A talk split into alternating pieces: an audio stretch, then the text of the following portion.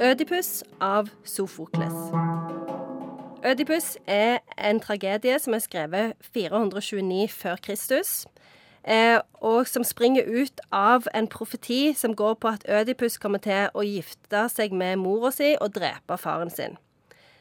Det er jo det som skjer. Alle dør. Ødipus stikker ut øynene sine og vandrer ut i ødemarka. Slutt. Det høres ut som eh, forfatteren har hatt et kompleks. Det kan jo være et ødipuskompleks ute og går.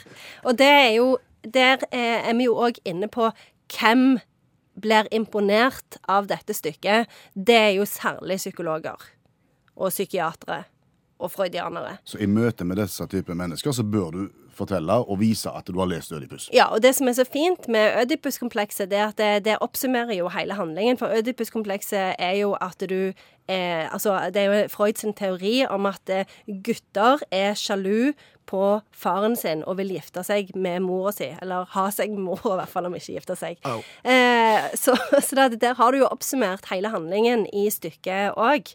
Og eh, her er det òg et ganske sånn greit sitat å huske, og det er dette.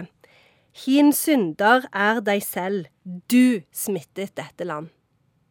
Og det som ligger i det sitatet, det er at det er for Ødipus Han ble jo konge, og så blir det pest i landet, ingenting vokser, alle har det fælt. Og så blir Ødipus sånn Ja, vi må finne ut hvem som har gjort dette. Det er sikkert noen som har gjort noe sånn at gudene har blitt sinte. Vi skal finne synderen. Og så vet han jo ikke at det er han sjøl.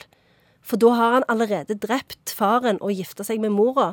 Og så får han jo vite dette midtveis i stykket, og da blir det bare Ganske ganske dårlig stemning. høres ut som en godtepose av en familie og en skrekk og gru av et juleselskap. Eh, 429 før Kristus. En mann eh, dreper faren sin for å eh, bli sammen med mor si, både fysisk og psykisk. Og det blir ikke kjekt i juleselskapet. Nei. Tusen takk, Janne Stigen Dragsholt, forfatter, litteraturviter, hjelpetrener i friidrett og medlem av FAU.